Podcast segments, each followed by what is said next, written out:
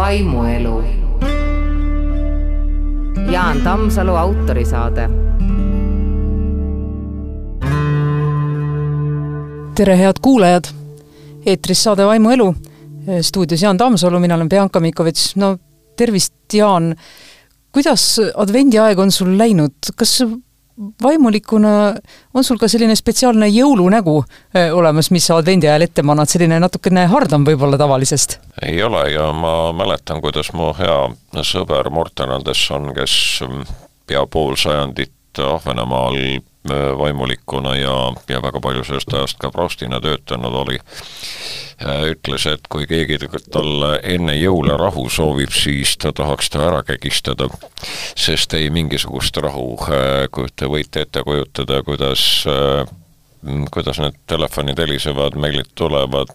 vaja sinna-tänna kolmandasse kohta, kuskile tiigi äärde, kuskile suurde loengusaali, kuskile väikese grupi inimeste ette, et tule ja räägi jõuludest ja kui sa oled noh, nelikümmend aastat nendest rääkinud, siis kuskil see varasalv hakkab juba, hakkab juba väga tühjaks, tühjaks minema ja ja selle juures jah, rääkida rahust on, on võib-olla keeruline ja tuleb see nägugi ette manada mõnel hetkel, näiteks eh, eile õhtul mm, helistati mulle, kas ma tuleksin ülehomme ühele paarisajale inimesele ühte, ühte ettekannet pidama, räägi mis tahes teemal, peaasi, et vaimulik tuleb enne jõule ju. no ei olnud sel ajal aega, olid isiklikud asjad. nii et äh, sul on võib-olla õigus, mingi jõulunägu tuleb ette manada mõnel hetkel küll, aga, aga siis harjud sellega ära, see on nagu kassapidaja, kui ikka esimesed kolmkümmend minutit on, on naeratanud, siis võib-olla jääb naeratus näole, et, et tuleb natukene harjutada. ma olen sageli küsinud ajakirjanikuna vaimulikelt no natukene sellise vindiga küsimuse, et et kuna meil on palju inimesi, kes lähevadki kirikusse ainult jõulude ajal ja ainult, ja terve muu aasta jooksul ei pista üldse oma nina sealt ukse vahelt läbi, et siis ma olen küsinud, et et kas vaimulikke ei häiri see, et tullakse ainult jõulude ajal, et kas nad ei tahaks, kas ei teki kiusatus äh, kantlist pragada, et noh, nüüd, nüüd siis leidsite aega, aga kõik on nagu üks mees mulle siiamaani öelnud, et ei, et tore, et ikkagi tullakse no äh, eks nad siis ju teavad, et, et nende lugu läheb kirja ja nad võivad saada nii, et tolmab, äh, kui nad teistmoodi vastavad, aga mina küll mäletan, et ma noore vaimulikuna Karja kirikus enda meelest olin ikka väga äge, kui ma rääkisin äh, mingitest hanedest jõulujutluses, kes vaatavad taeva poole, kuidas need metshaned kuskile lõunamaale lähevad ja nemad mõtlevad, et peaks ka minema, üks kord aastas käivad nad ülespoole vaatamas ja mõtlemas, et peaks ka minema. no sellise iroonilise loo peale tuli kiriku teenija mu juurde ja ütles, et et järgmine aasta need jõuluaned ei tule ja vaevalt, et sul siin üldse kedagi siis on. ma sain üsna kiiresti aru, et, et see on ääretult odav asi äh, minna jõuluajal neid inimesi pragama, kes on tulnud, siis sa jääd nendest ka ju ilma, et, et äh, see ei ole kindlasti see, mida võimalik peaks tegema, rõõmu tundma inimestest, võimalust kasutama selle sõna kõige paremas mõttes, seda kindlasti, nii et kui nad on tulnud, ole nende vastu hell ja hea ja lahke ja, ja ja ärata või vähemalt püüa nendes äratada seda huvi, et äkki on mõnel muulgi ajalaastas äh, selles vanas iidses või veidi nooremas pühakojas nende jaoks midagi. mulle endale on tundunud, et tegelikult kirik ongi üks väheseid kohti, kus jõuluajal rahu saab ses mõttes, et kõik meie ümber on ju müügi peal väljas ja ka mitte ainult vaimulikel ei ole ju kiire aasta lõpus, vaid ka teistel inimestel, näiteks ajakirjanikel on üsna kiire, teeme oma aastalõpulehti ja vaatame juba ette. ja kõige selle keskel veel säilitada sellist advendiaja ootusmeeleolu ja, ja midagi kaunistada kodus, minult näiteks on seda palju tahetud, ma olen täitsa kindel, et ma ei ole ainult äh, üksi selline. Äh, jah, kaheldamatult, aga, aga sellega on ka see kummaline lugu, et ma ikka imestan selle üle, et äh,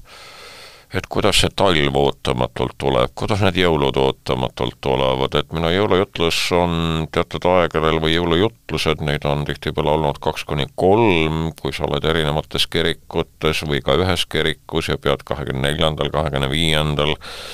võib-olla, võib-olla veel kahekümne kuuendalgi jutlustama, ega see on ju teada, võtta järgmise aasta kalender, sa näed, et kahekümne neljandal on jälle see jõululaupäev, et et sellisel viimasel hetkel hakata asjadega tegelema, viimasel hetkel hakata kaunistama, viimasel hetkel keegi on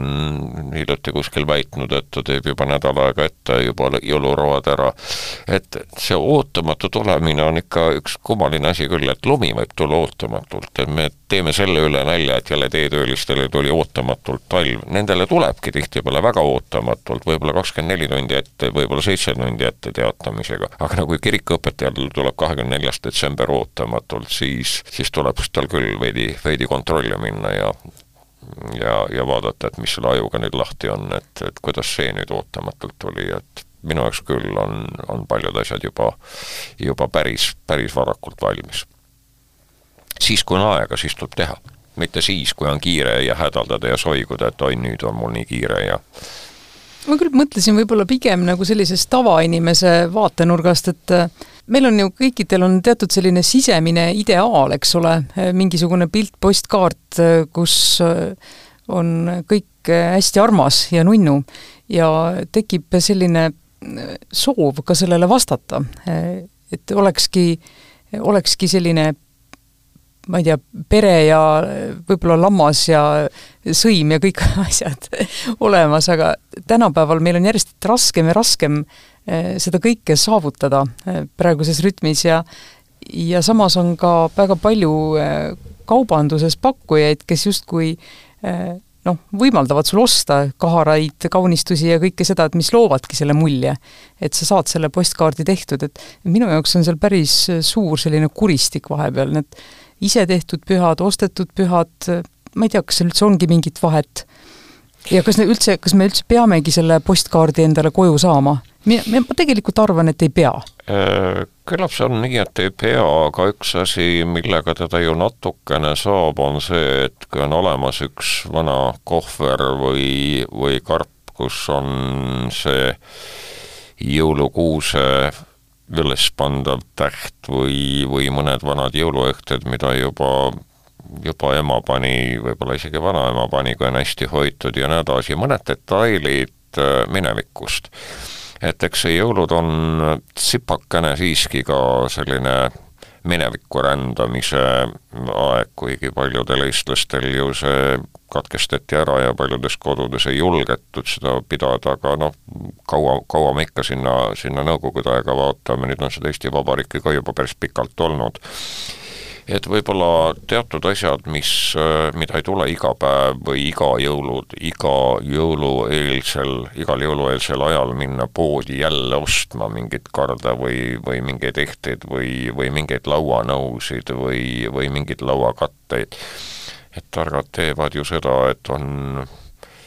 on mingid asjad olemas mingis vanas kohvris kuskil kapi peal ja see võetakse alla ja seda hakatakse vaikselt äh, vaikselt sättima siis sinna-tänna ja neid detaile ei ole üldse vaja palju. et see ülepakutu, see, kui on lumised imelised kuused väljas ja ja meeleheitlikult püütakse nendele ikka veel mingeid tulesid ka otsa panna, no kuulge, lambi valguses või tulede valguses, mis sealt kuskilt laternabossist tuleb, on need kuused sel aastal imelised ju niigi, mida sa topid sinna veel mingeid leede peale ja nii edasi, juhul kui nad ei ole juba eelmisest aastast peal. et, et kindlasti on võimalik, aga ei pea liiga palju olema. äkki on kolm detaili ja piisab äkki me seame endale liiga kõrgeid eesmärke, kuskil mingisugune Ameerika film ja, ja kõik maja on tuhandetes tuledes väljast ja seest ja, ja jõuluhaned ja, ja nii edasi. oleks päris huvitav võistlus ju jõulude tähistamise maailmameister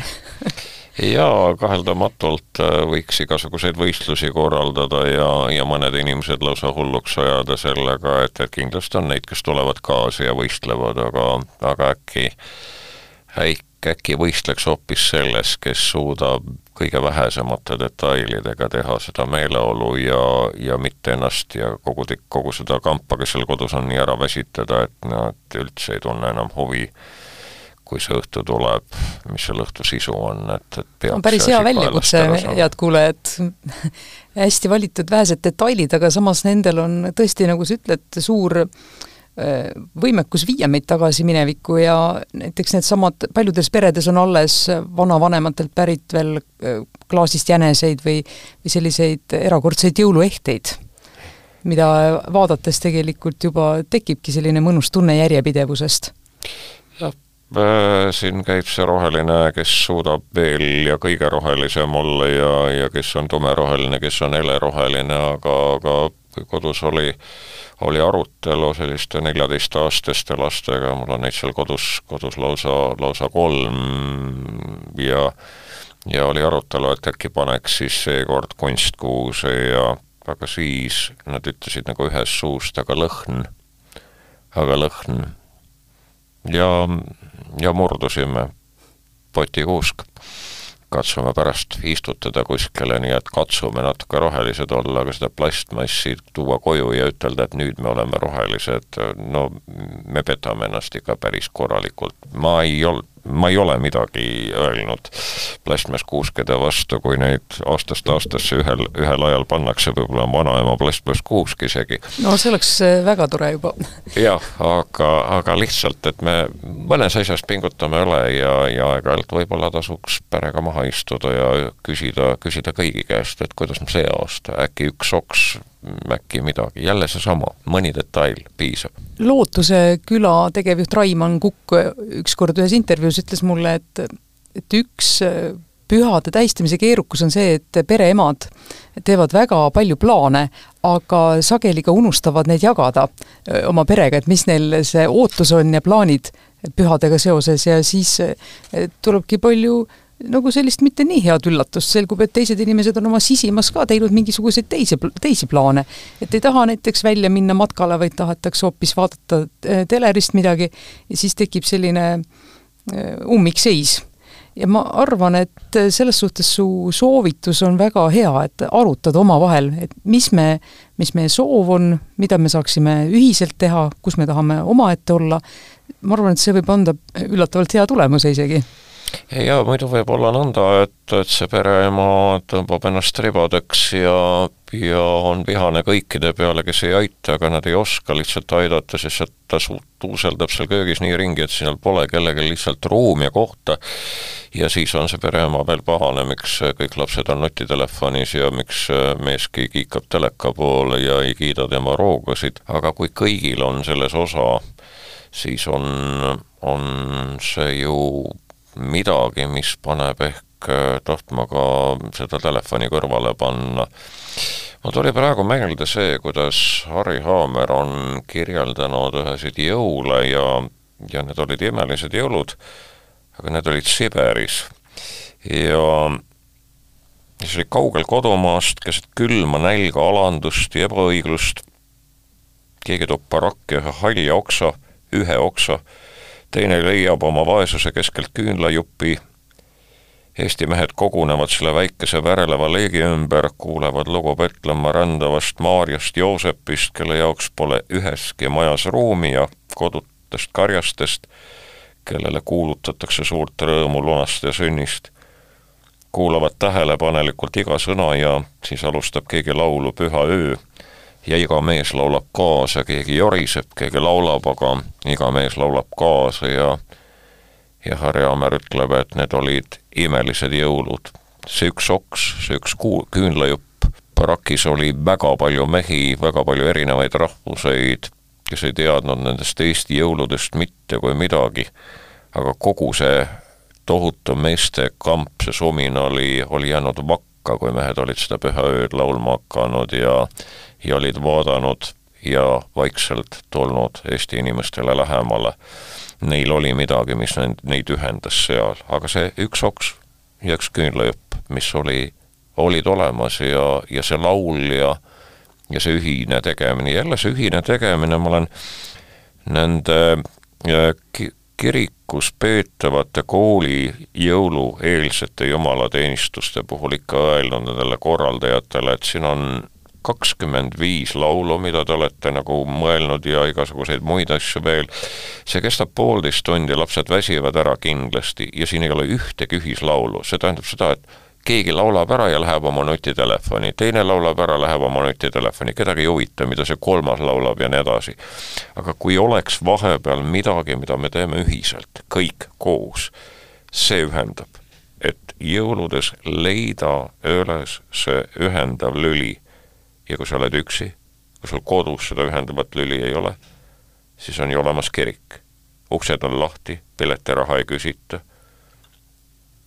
äkki leiaks endale selle koha, kuhu minna.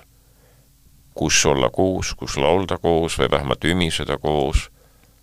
midagi, mis ühin-, ühendab, kus sa taipad, et sa oled ikkagi osa tervikust ja sa ei ole ihuüksi, sa ei ole hirmul, et et kuidas ma need jõulud üle elan üksinda või kassiga või koeraga ma olen küll märganud seda, et Eestiski nagu Skandinaavia maades on järjest rohkem üheliikmelisi leibkondi ja inimesed on järjest rohkem omaette, paljud ka ei võta seda traagiliselt, osadele meeldibki, on ka neid on ka neid inimesi, kellel ongi, lapsed on suured ja nad tunnevad isegi natukese kergendust, et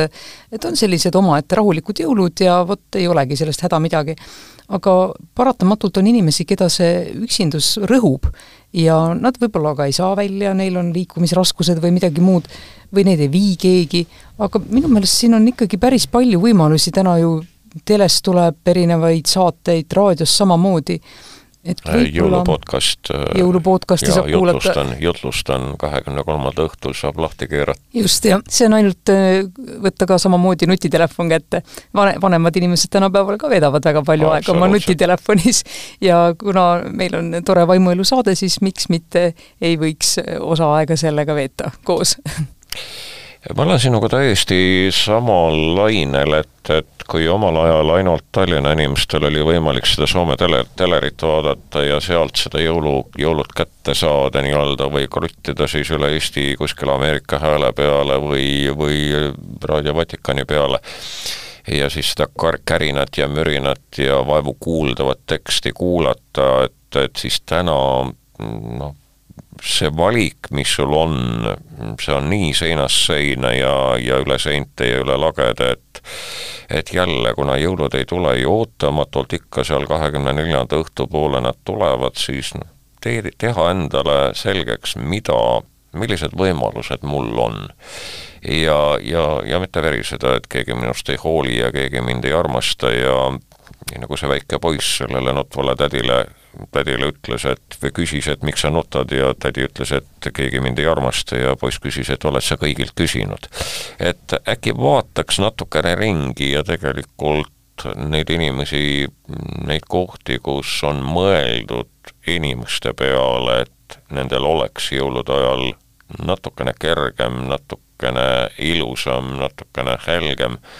neid kohti jah, mida lahti keerata, lahti vajutada, kasutada ja nii edasi, on ju nii palju ja, ja, ja see jõulumuusika ime, ilus jõulumuusika, mida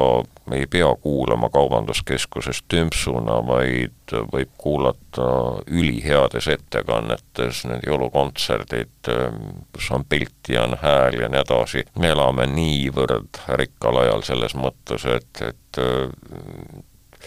küll oleks hea, kui inimesed ei peaks urgu pugema ja, ja tusatsema ja kibestuma, vaid ja mõtlema, et saaks need jõulud, need jubedad jõulud ometi otsa ja tuleks normaalne elu, saaks tööle jälle ja nii edasi, kooli, vaid, vaid et teeks endale ühed, ühed tõeliselt ilusad jõulud ja, ja noh, võib-olla vaataks ka, et äkki saaks midagi kellelegi teisele teha, noh, kellelegi helistada, kellelegi midagi ütelda, kellelegi midagi saata. mitte lihtsalt mingisuguseid põidleid panna, vaid mõned sõnad kirjutada, et, et äkki sätiks ennast hoopis sellele lainele, et kuidas mina saan kellelegi jõulud kaunimaks teha jälle seesama mm, uurimine National Geographicus viis maailma paika, kus inimesed elavad üle saja aasta vanaks ja on hea tervise juures Jaapanist kuni, kuni Kreekani välja. kõikides nendes on see, et, et inimesed püüavad leida seda, mida nemad saaksid teistele teha, mitte see, et istun nurgas, tahan elada kaua ja mõtlen, mida nad küll mulle teevad ja miks nad mulle nii vähe teevad, et, et siin on neid võimalusi tegelikult olemas, kui me oleme nupukad, kui me keerame selle ego pealt ära natuke, natuke mm, siis äh, mujale, suuna teiste peale, et kuidas kellelegi et neid üksikuid inimesi on ju veel, et, et, et sa ei ole ju ainus üksik inimene, neid on maailm täis, all the lonely people, nagu laulavad Beatlesid ja küsivad, et miks see Rigby, Helena Rigby ja, ja, ja see vaimulik omavahel kokku ei saa, võiksid ju saada, mõlemad üksikud inimesed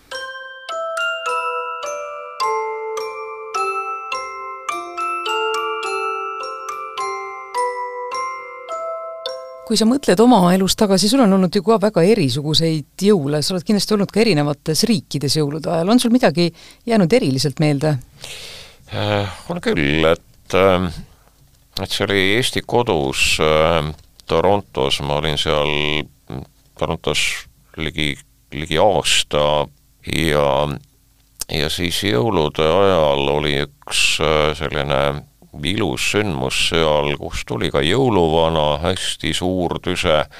ja heatahtlik mohemees ja, ja siis need inimesed, kes seal elavad, nüüd ei ole veel nagu hooldekodu, vaid on võimalusel osta sealt omale korter ja vajaduse korral käia söömas kõrvalmajas või tuuakse sulle söök, ühesõnaga selline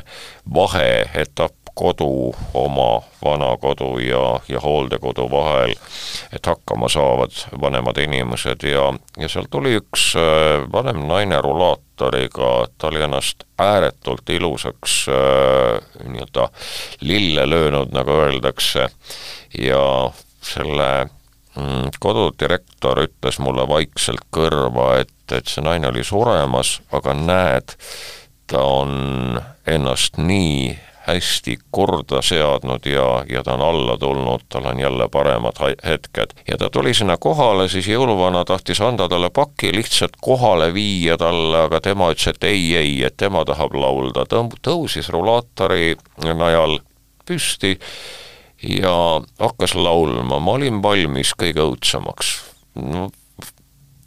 üks üheksakümne viie aastane või midagi taolist, siis hakkab laulma aga see oli üks kõige kaunemaid pühaöösid, mida ma olen eales kuulnud, tal oli imeline lauluhääl ja siis ütles jõuluvana need sõnad,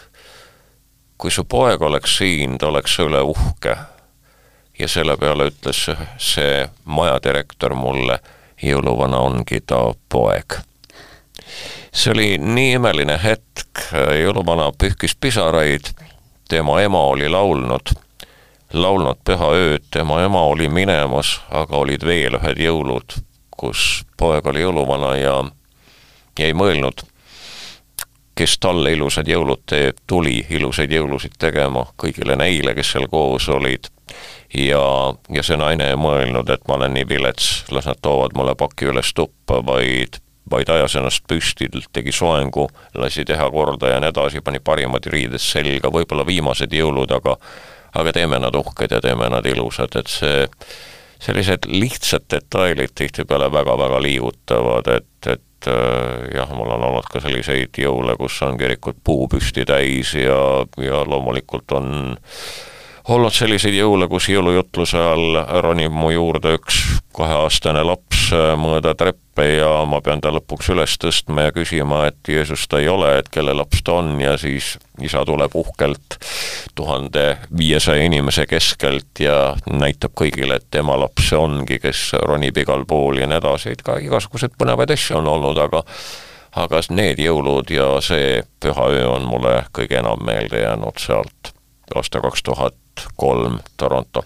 no ka sellest loost, mis sa rääkisid, tuleb välja see, et lihtsus, siirus, need on need, mis jäävad meile meelde, mis jäävad kandma. ma mõtlen oma kahele vanaemale, mõlemad on igavikus, nende, eh, nemad on rääkinud sageli või rääkisid sageli sellest, kuidas nende nooruses mis neile on jõuludest meelde jäänud ja seal, seal olidki väga lihtsad asjad. õunad, mis riputati kuusele, põhud, mis toodi kuuse alla, kuidas oli seal tore koos olla kuidas äh, käidi kirikus, oli nii külm, et hobusel tuli suust auru, et sellised asjad. Ja meie lastena kuulasime väga suure kaasaelamisena niimoodi, et kõik need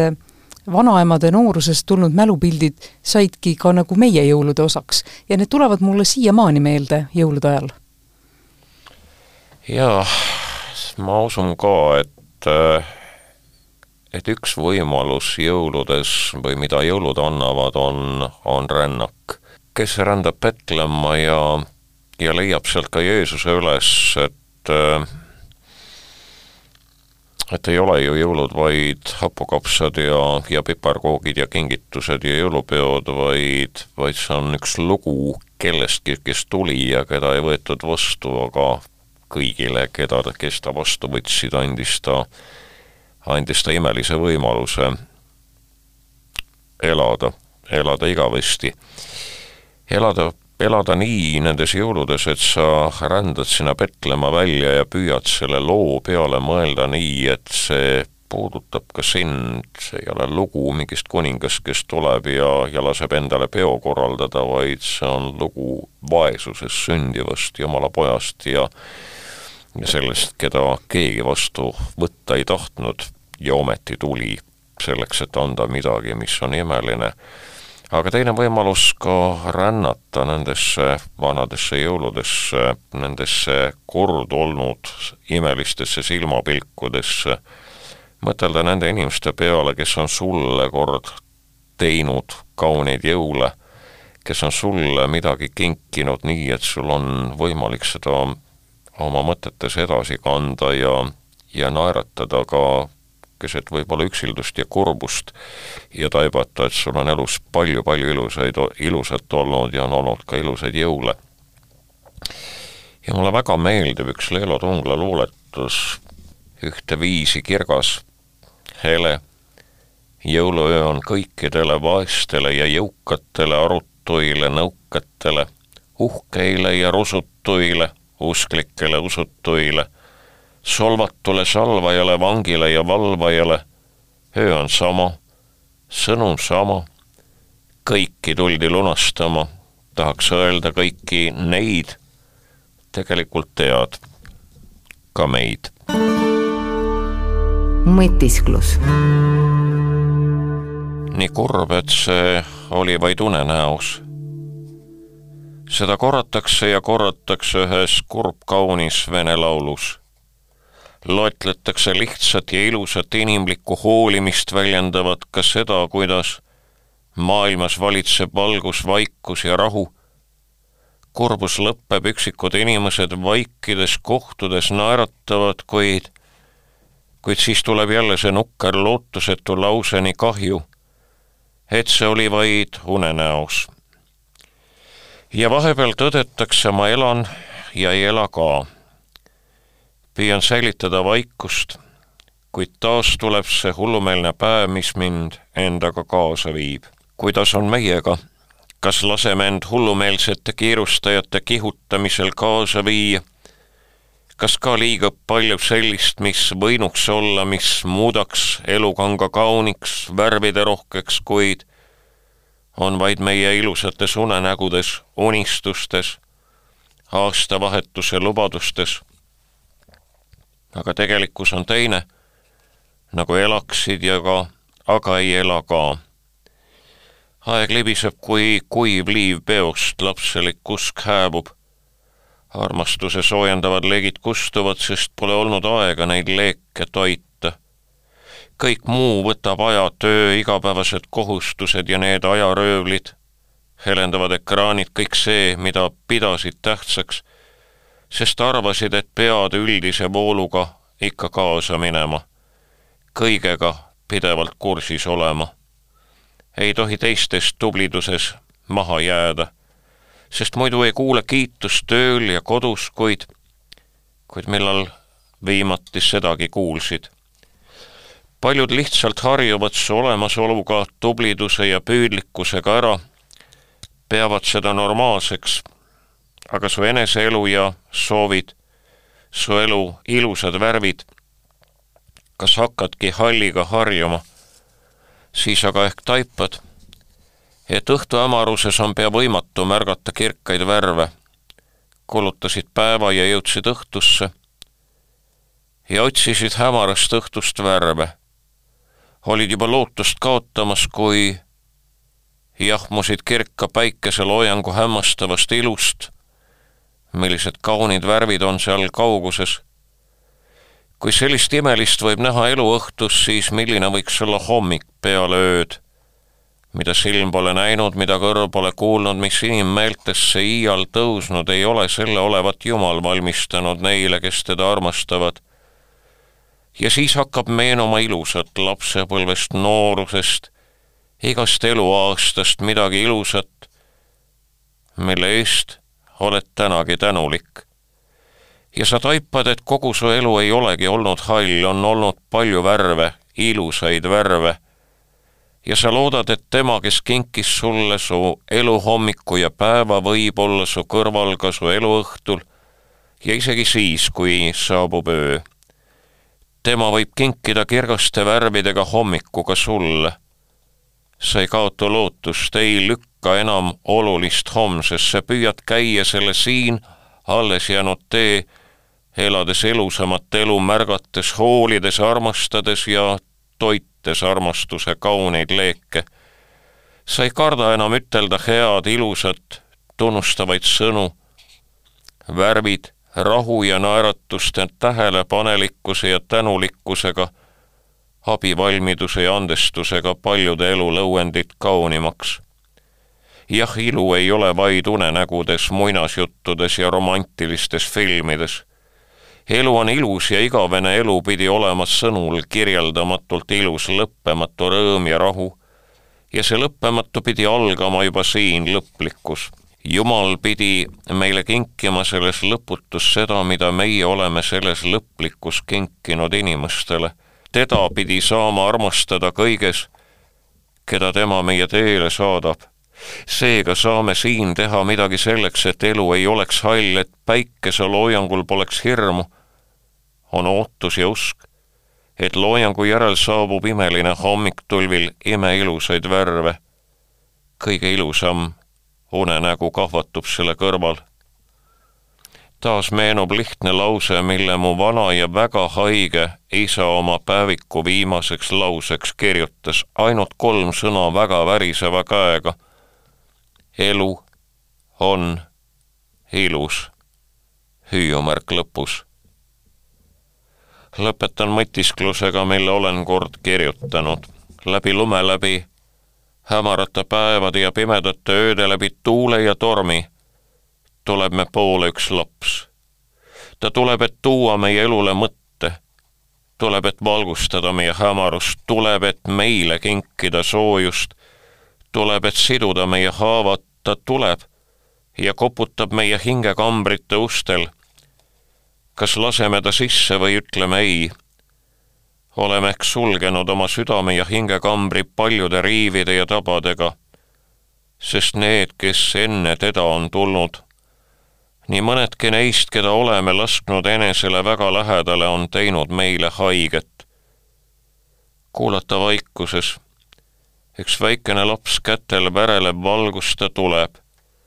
ta kingib sulle valguse, mis näitab tee, kingib elule mõtte, annab sooja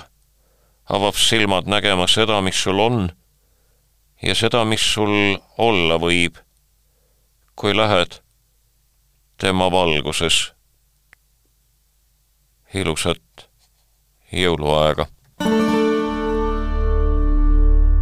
vaimuelu